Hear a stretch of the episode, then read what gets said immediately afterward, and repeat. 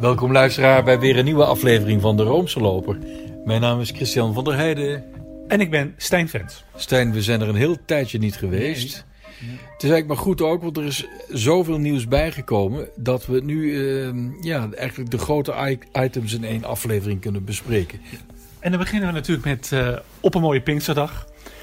Uh, komt er de paus de creatie van 14 nieuwe kardinalen aan.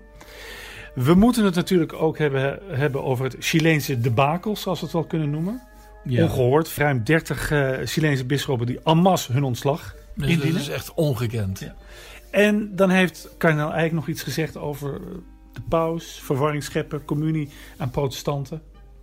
Dat is ook ongekend. Ook ongekend. Dus laten we meteen maar beginnen met die 14 uh, nieuwe kardinalen. Op 29 juni krijgt uh, de kerk er weer, uh, wat ik zeg, 14 nieuwe kardinalen bij. Er worden ze, zoals dat zo mooi heet, gecreëerd. Um, daar zitten weer een paar namen bij die je tien jaar geleden niet had verwacht. En tegelijkertijd, dat is, dat is een beetje het probleem met deze paus. De verrassende de paus, dat verrassende gaat ook weer winnen. Ja, dus het is niet meer zo verrassend dat hij toch weer steeds verrast. Wat verraste jou het, het meest? Jij zat natuurlijk live voor YouTube te kijken. Nou, ik zat, nee, ik zat niet live te kijken. Ik kreeg het op mijn Twitter uh, door.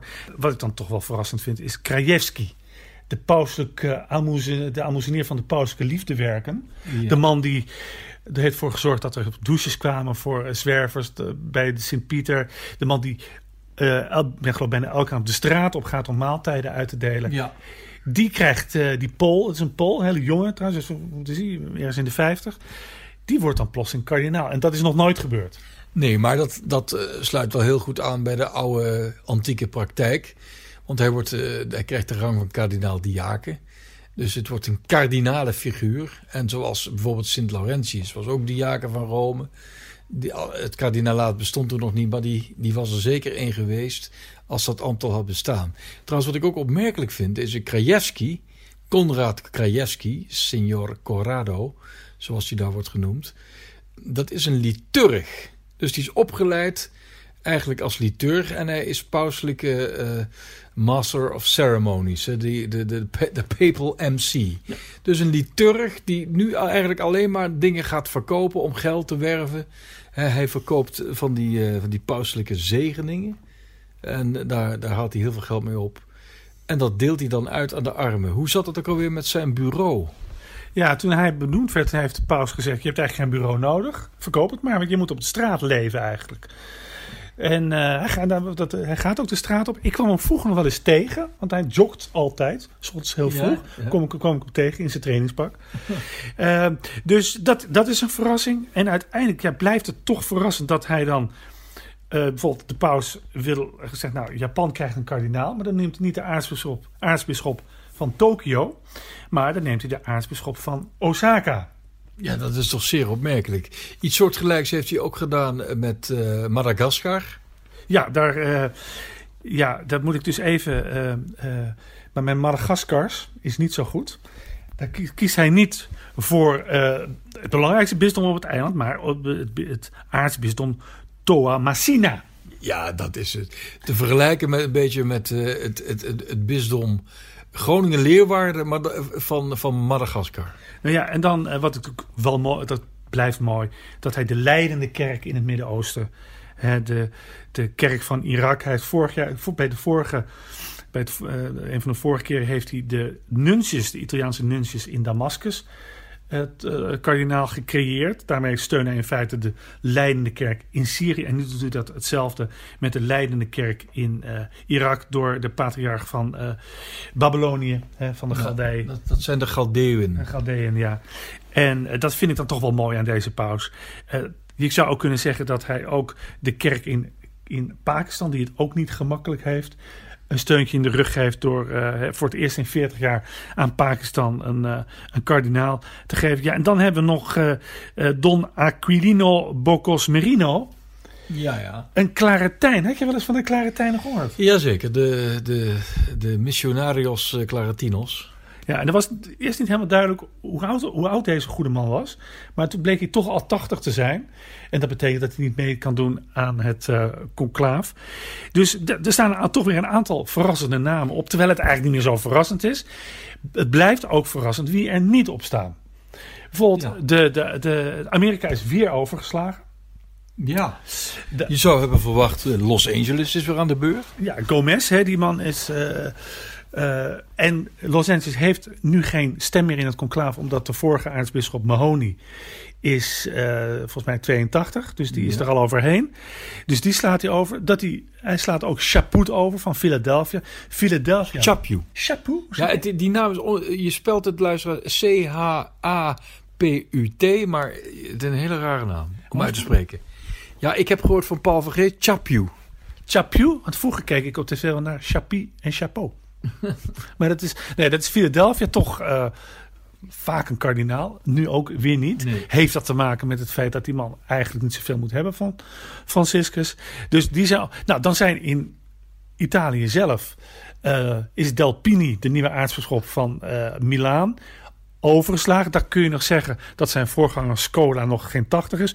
Dus die mag meedoen. Maar ja, de patriarch van Venetië, de aartsbisschop van Turijn, de aartsbisschop van Bologna, de aartsbisschop van Palermo. Geen rode hoed, maar wel die van L'Aquila. Dat is toch zeer opmerkelijk, hè? Ja. En uh, dat, dat kardinalencollege, dat, ja, dat, dat wordt eigenlijk... Dus dat zijn mensen allemaal in de, van de periferie. Je vraagt je nog af, zitten er nog wel echte capabele pauskandidaten bij?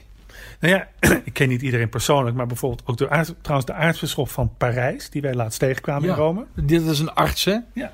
Maar dan weet ik niet of zijn voorganger, voorganger 23, of die nog al beneden de 80 is. Dat kan zijn dat hij het daarom niet heeft gedaan. Maar uh, nee, kijk, de, de, het, het is het, het, steeds meer het college van de periferie. De paus heeft nu ook uh, de meeste van de kiesgerechtigde kardinalen. Het zijn op dit moment 126. Tenminste, dat in, in naam, maar Amato, de man van de Congregatie voor de Heilige Verklaringen, valt 8 juni af. Dus op 29 juni, als deze nieuwe kardinalen allemaal daadwerkelijk gecreëerd zijn, hebben er 125. Van die 125 zijn 87 nationaliteiten. Het is nog steeds wel Europees georiënteerd, maar dat, dat, dat, dat, dat kardinale college dat dijt als een olievlek uit over de hele wereld. En ik denk dat je gelijk hebt, geen leiders, geen grote karakters. Dus dat wordt, dat wordt wat straks in dat volgende conclaaf. Ja, ja zeker ja. Um, zullen wij eens overgaan naar het onderwerp Chile? Chili. Ja, nou dat is. Uh, ja, waar moeten we beginnen? Ja, uh, het is het. Uh, misschien moeten we even beginnen bij die nogal invloedrijke priester Fernando Caradima. Ja. Dat is ja, waarmee kunnen we deze man vergelijken? Of met wie? In ieder geval een hele invloedrijke man met heel veel pupillen. Ja. En hij was een pedo pederast. Hè? Dus hij heeft jongens zeg maar tussen de 12 en de 18 misbruikt, seminaristen. En uh, een aantal van zijn uh, pupillen die hebben het tot bisschop gebracht. Ja. En eentje daarvan heette Barros. En die is door Paus Franciscus nog overgeplaatst naar een zeer belangrijk bisdom. Er kwam heel veel protest.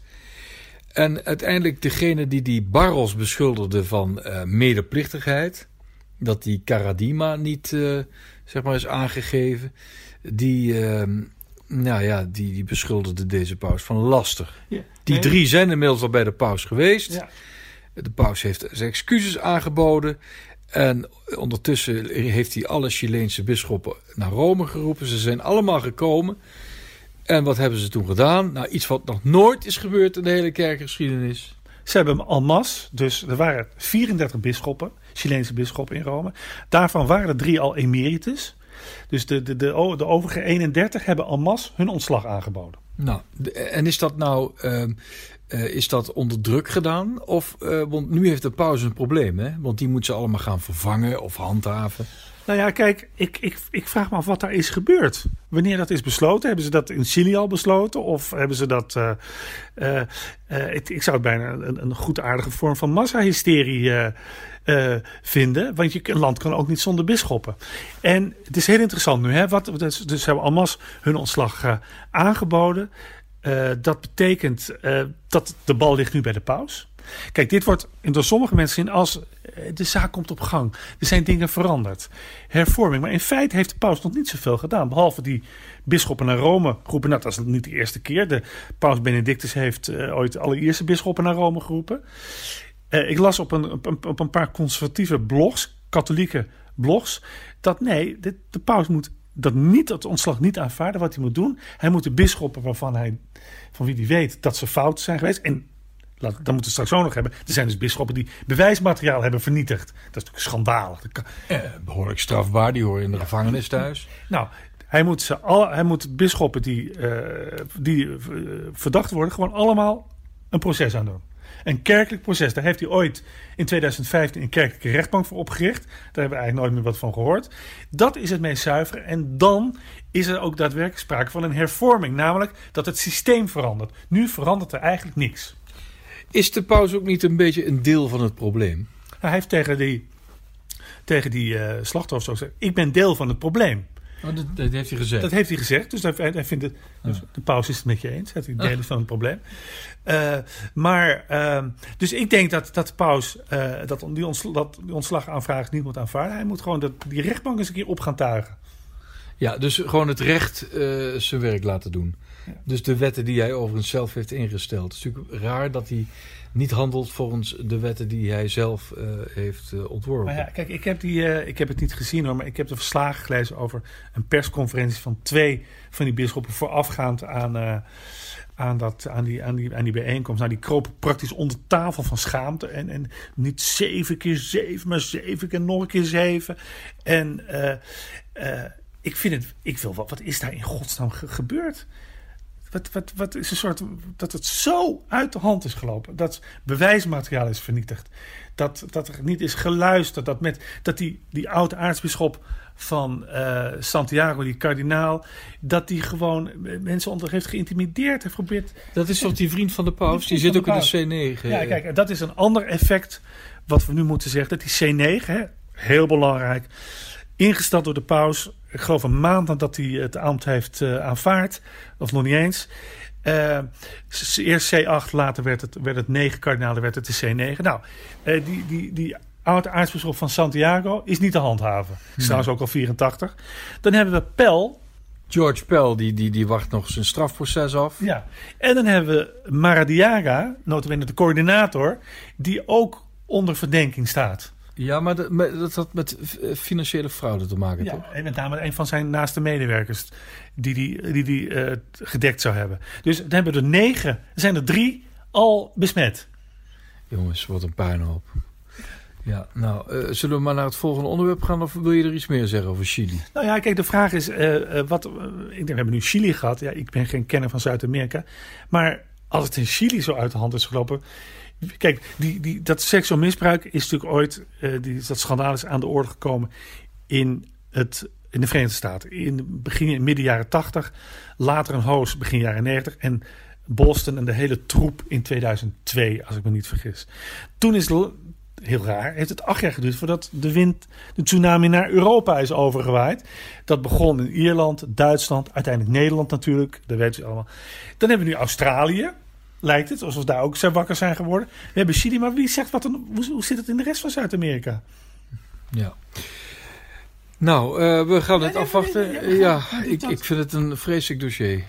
Nou ja, en het is nog steeds een, een hoofdpijndossier. En mijn stelling is dat de paus in feite nog steeds niks heeft hervormd.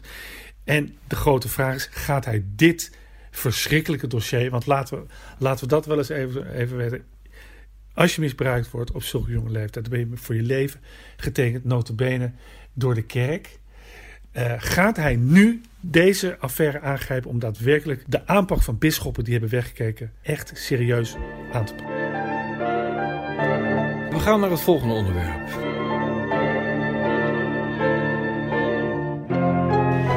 Een buitengewoon complex onderwerp. Ik, ik zie er een beetje tegenop. Ja, om dit te bespreken, eigenlijk zou je dat op schrift moeten doen. Want je hebt een aantal documenten nodig om er goed uit te uh, citeren. Maar toch kunnen we dit niet, Stijn, onbesproken laten. Wat is er aan de hand? We moeten bij het begin beginnen. Het begint allemaal in Duitsland. Duitse bisschoppen Die zeiden, ja, uh, heel veel van onze gelovigen die zijn gehuwd met protestanten. Protestanten in Duitsland betekent iets anders dan in Nederland. Vaak zijn het Lutheranen. En Lutheranen die uh, zijn wat eerder geneigd om het geloof met de katholieken te delen in de realis presentia, in de werkelijke tegenwoordigheid van Christus in de Eucharistie. Zou het nou niet mogelijk zijn om die mensen zo in enkele gevallen toe te laten tot de communie? Nou, driekwart van die bisschoppen vond dat een goed idee. Zij vonden dat ze een sterke zaak hadden, ook omdat in dit geval een bisschoppenconferentie volgens het kerkelijk recht best wel veel te vertellen heeft. Zeven bisschoppen waren daar tegen, want die vonden dit niet louter een pastorale kwestie, maar vooral een doctrinaire kwestie. Het ging om de leer. Hier moet Rome een uitspraak over doen. Uh, een van die zeven tegenstanders van dit voorstel is uh, kardinaal Hulki van Keulen. Die hebben dus een gesprek aangevraagd. Er is een delegatie uitgenodigd, niet met de paus, maar met zijn medewerkers. Uh, de prefect van de Congregatie van de Geloofsleer, de prefect uh, van, van de Raad van de Ecumenen en, en, wat assistenten. En die kregen dus te horen dat de paus in zijn, al zijn wijsheid had besloten: jullie moeten terug naar de onderhandelingstafel en met een unaniem voorstel komen. Want alleen dan is het eigenlijk rechtsgeldig, wat jullie ook beslissen. Nou, uh, de rapen waren gaar. Er kwam veel protest, bijvoorbeeld van uh, kardinaal Muller, de gepasseerde ex-prefect of prefect van de Congregatie van Geloofsleer, die dat dus niet, niet meer is. Die zei: De paus had hier een keiharde uitspraak over moeten doen. En wie zegt dat nog meer? Kardinaal Eijk. De leer is in het geding, zegt ja. de kardinaal. En waar zei hij dat? Nou ja, hij heeft een, een, een opiniebijdrage gemaakt voor een Italiaanse website en voor een Engelse website, de National Catholic Register, een krant eigenlijk, het is eigenlijk een krant.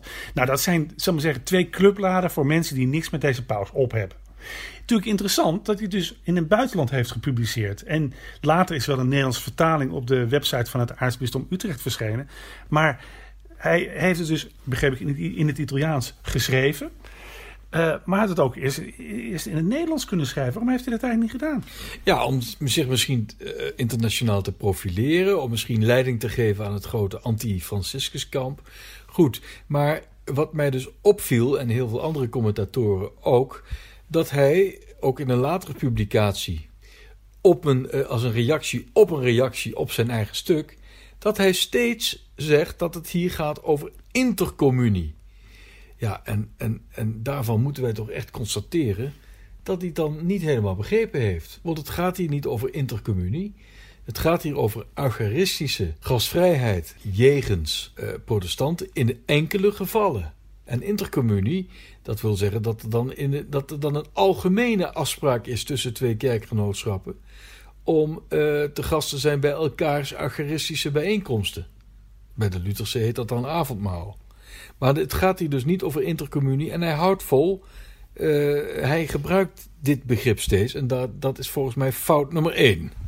Nou ja, kijk, en, en wat. En, en ik vind natuurlijk. Kijk, ik, eh, dat is, ik, ik heb er ook moeite mee om te zeggen dat, dat de kardinaal hier gewoon abuis is. Maar ja, ik kan het toch moeilijk niet zeggen. Nou ja, en daar, daar het volgend heeft hij gezegd dat de paus de eenheid van de kerk in gevaar heeft gebracht. Dat de paus verwarring sticht. Hij heeft ook nog moet ik dat zeggen, uh, een beetje uitgehaald naar zijn collega de Kezel. Die ervoor gepleit heeft om de, de heeft gehind, laat ik het zo zeggen, dat, dat de kerk iets moet met, het, met homoseksuele relaties. En daar. Nou ja, de Kezel, die zegt wel iets wat, wat tegen de leer ingaat. Die zegt eh, dat, uh, dat, dat uh, wat de, de kerk dus, dus zegt over homoseksualiteit, dat dat gedateerd is. Dat dat niet meer houdbaar is. Kijk, dan, dan staat de leer uh, op het spel, zou je kunnen zeggen. Maar hier staat de leer niet op het spel. Misschien staat er een bepaalde praktijk op het spel die die leer zou kunnen beschermen. Goed, dat zou kunnen. Daar is die Wolkie zo bezorgd voor. Maar ja, dit is eigenlijk wat de paus dus gedaan heeft. Hij heeft gezegd: nee, ik ga dat niet voor jullie beslissen. Dat moeten jullie zelf doen. En um, dat, dat, in feite is het, is het ook een strijd tussen een paus die zegt: Ik wil eigenlijk decentraliseren. Dus ik wil niet dat Rome alles, alles bepaalt. Terwijl eigenlijk Eijk had gewild dat, dat de paus dat nou juist wel had gedaan. Ja, en dan Roma locuta causa finita. Hè? Dus Rome heeft gesproken, dan is de zaak af. Dat is toch een van de verworvenheden van het Tweede Vaticaans Concilie. Dat de bisschoppenconferentie eh, wel degelijk eh, bepaalde bevoegdheden hebben. En vooral als het gaat om pastorale kwesties. Dat staat ook al in het grote ecumenische conciliedocument Unitatis Redintegratio. Iemand die daar naar verwijst is kardinaal Walter Kasper. Die heeft een voortreffelijk uh, interview afgegeven met La Stampa, meen ik. Dat is echt, luisteraar, de moeite waard om dat eens uh, terug te lezen. is ook in het Engels vertaald. En die, uh, ja, die, die zegt dus echt dat Eik en consorten ernaast zitten. Nu zou je kunnen zeggen, ja, Casper, die is van het kamp, Franciscus, die is progressief. Ja, maar zijn argumenten zijn ontzettend goed. Wat ook is opgevallen, dat degene die het dus niet met kardinaal Eijk eens zijn, en die kun je toch ook niet, uh, daarvan kun je toch ook niet uh, zeggen dat die, dat die progressief is. Dat is de hulpbisschop van Haarlem Amsterdam, Jan Hendricks. Ja, zo is het inmiddels dus uh, van, van ja, de Eik wilde eigenlijk de wereldkerk aanspreken. Is het nu ook in het Nederlandse kamp, bisschoppenkamp, terechtgekomen? Uh, bisschop Gerard de Korte die heeft in een column in het ND gezegd dat de paus helemaal geen verwarring sticht. Dat het uh, een soort prachtige gastvrijheid, creativiteit is. Uh, Hendricks, kanonist, uh, gerespecteerd. Lid van, van, van de apostolische signatuur, het hoogste rechtscollege van, uh, van de Rooms-Katholieke Kerk. Dat is ook niet, toch niet de eerste de beste? Ja, nu zou ik dus twee vragen willen stellen. A, hoe is de Nederlandse, wat moet de Nederlandse katholiek hier nou Wat, wat, is, wat is in Nederland nou het voorschrift, de praktijk?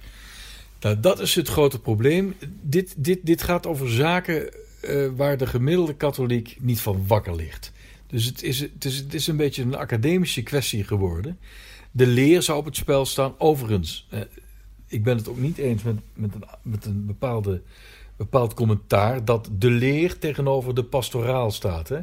Nee, ook de Duitse bisschoppen die vinden de leer zelfs zo belangrijk dat ze zeggen: alleen protestanten die de leer van de katholieke kerk omtrent de Eucharistie delen, die komen in aanmerking uh, om aan te zitten aan het Eucharistische banket. Maar stel, ik ben een rooms-katholieke man en ik ben getrouwd met een protestantse vrouw. Ik woon in Nederland. Ga, wat ga ik dan doen? Ga ik dan bij pastoors overleggen? Pastoor, wat zullen we doen? Mag, mag, mijn, mag mijn vrouw de communie... In Nederland gaat gewoon toch eigenlijk iedereen de nou, Nee, maar dat, dat, ja, maar in de kerk der Friese bijvoorbeeld wordt er wel verteld... als je protestant bent of, of niet katholiek...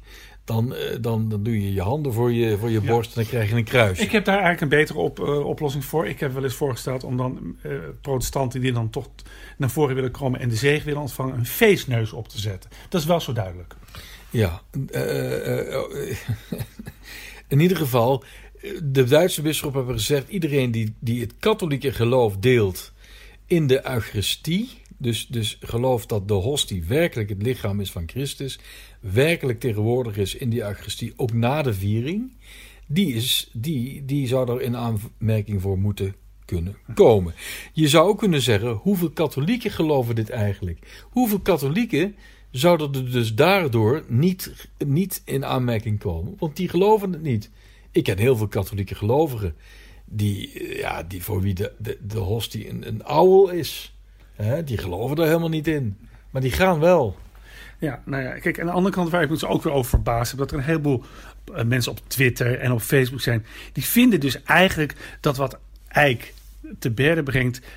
ook niet in de haaks, omdat hij de paus kritiseert. Dat schijnt, kijk, tijdens het vorige pontificaat mocht je over de vorige paus, Benedictus, mocht je eigenlijk zeggen wat je wilde in Nederland. Hè? Want die, die kon er helemaal niks van. Hij was een oude man, oude professor. Maar deze paus, daar mag je niet aankomen. Idioot. Uh, dat vind ik, deze paus mag net zo goed bekritiseerd worden als uh, elke andere paus. Nou, en, en Franciscus heeft ook opgeroepen, uh, ook, ook kerkelijke leiders, tot de deugd van de parasia. En dat betekent het vrijmoedige spreken. dus dit moet, dit moet ook volgens Franciscus allemaal kunnen. Ik, dat vindt hij ook helemaal niet erg. Maar het liefst wel op goede gronden. En, maar het is natuurlijk wel vreemd dat degenen die altijd hebben gestreden voor het gezag van de paus, dat er nu een paus is die, die, die zeggen: ja, dat is eigenlijk de grote paradox. van eh, deze paus is, is eigenlijk eh, controversieel. Omdat hij, eh, eh, omdat hij zijn autoriteit te weinig laat gelden. Maar hij laat die autoriteit te weinig gelden. Maar dat doet hij met pauselijke autoriteit. Ja, want, wij, want eigenlijk zou je kunnen zeggen: het feit dat kardinaal Eijk dit kan schrijven.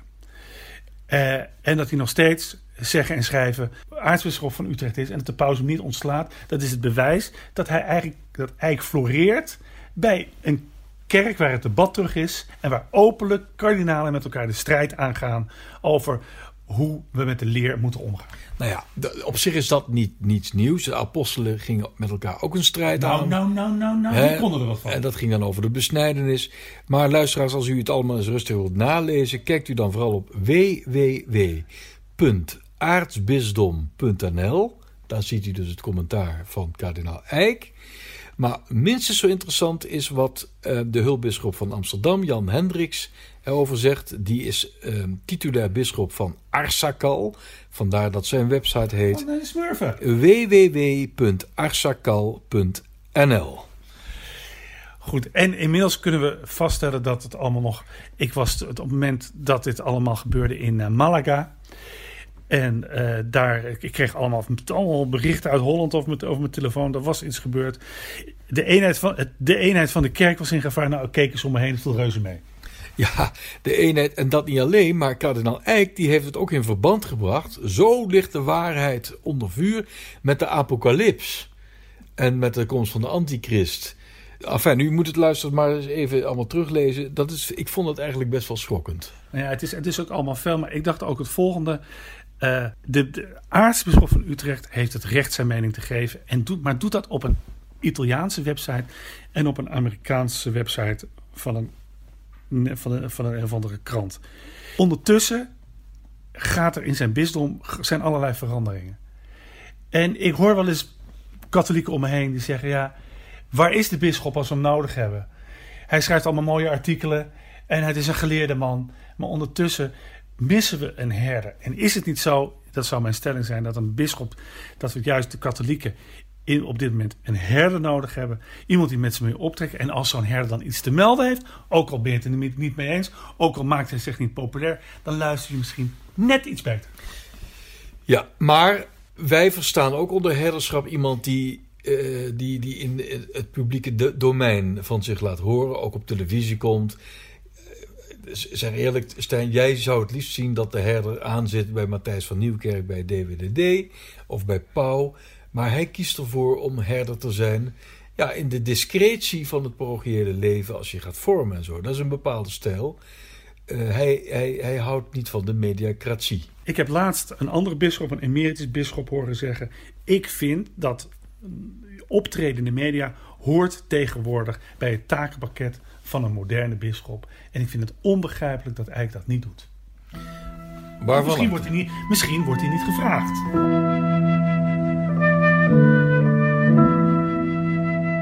Hebben we nog iets leuks te melden, Stijn? Eh, hebben we nog iets leuks te melden? Nou, daar moet ik eigenlijk even over nadenken. Ehm, ja, dan moet ik ook even nadenken. Nou ja, we moeten natuurlijk niet vergeten dat op 14 oktober eh, kun je naar Rome. En dan krijg je twee, eigenlijk twee heilige verklaringen voor de prijs van één. Nee, zeven. Zeven, zeven, sorry, mijn excuus. Zeven, waar, maar er zitten twee prominenten bij. Namelijk Paus Paulus VI en aartsbisschop Romero. Ja. eh, die, in, eh, die vermoord is. Ehm, en dat is toch wel het, het, het goede nieuws, vind ik. Die Romero, dat, dat proces van die zaligverklaring heeft jarenlang een beetje in slop gezeten. Eh, eh, deze paus heeft er een, eh, heeft een slinger aan de tol gegeven. Hoe zeg je dat? Ja, ja, maar toch, Benedictus XVI heeft daar ook een rol in gespeeld. Hè? Die, die heeft dat ook versneld, dat proces. En ik weet nog, ik ben eigenlijk, hoe moet ik dat eens even netjes zeggen, tot wasdom gekomen onder het pontificaat van Paulus VI.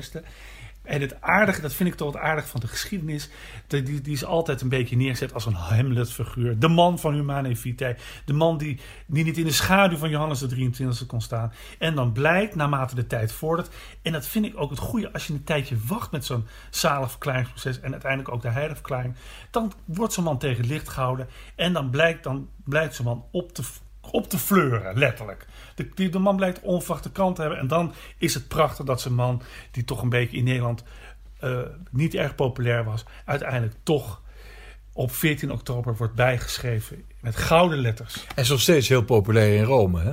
Ja, en ik, ik, ik, zijn graf, hè, hij stond erop toen hij in 1978 overleed, stond in zijn testament dat hij in de aarde begraven werd. En er ligt altijd vers, een verse, verse roos of een verse bloem op zijn graf. Want dat is eigenlijk toch vreemd, want uh, als je zalig uh, wordt verklaard, dan heet dat dat je wordt verheven tot de eer der altaren. Met andere woorden, je wordt opgegraven en je wordt in een altaar gelegd. Maar dat dus boven de, uh, waarom? Nou ja, het is bekend dat toen hij opgebaard lag in de Sint-Pieter, uh, en eigenlijk ook al in, uh, want hij is overleden in Castel Gandolfo in het buitenverblijf. Dat lichaam is niet goed geprepareerd. Dat werd al, al snel groen. Dus ik denk dat ze bang zijn wat ze aantreffen als ze die kist open doen. Ja, maar, ja, maar die kist hoeft, die hoeft dan niet open. Die kun je toch gewoon.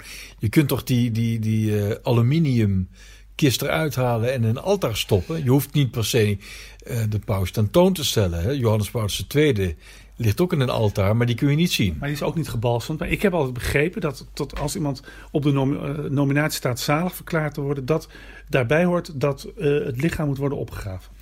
Ja, maar het, het, hij, dus in de Vaticaanse grotten, dus waar de paus liggen begraven, daar, ligt, daar liggen eigenlijk alleen maar niet zalig of heilig verklaarde pausen, behalve Paulus VI. En die blijft daar toch. Of niet? Ja, nee, dat, dat, dat, dat, vind ik, dat zou ik dan willen vragen. Ik loop er wel eens op zo'n suppost af als ik ja. daar rondloop van. zo is daar ook. Daar staat een tombe. Eigenlijk vlakbij Paulus VI. Als je daar langs, er staat geen naam op. Jo. Ja, de, de onbekende tombe. Het is een filler. Uh, dus ik ga volgende keer, ik ga uh, snel weer naar Rome. Ga ik ook eens vragen hoe dat zit. Ik denk heel simpel dat er in de kerk geen ruimte is. Wat ze met Johannes Paulus II hebben gedaan, die hebben ze begraven in de kapel van de heilige Sebastianus. En dat is de kapel meteen na de Pietà. En daar hebben ze eigenlijk een andere paus weer voor verplaatst zodat ze de elfde geloof ik of de twaalfde. Uh, misschien is die kerk wel vol. Ja. En is dan het einde der tijden in zicht als die kerk vol is? Soms hoop ik dat dat het geval is. Dit was het weer, luisteraars. Tot een volgende keer.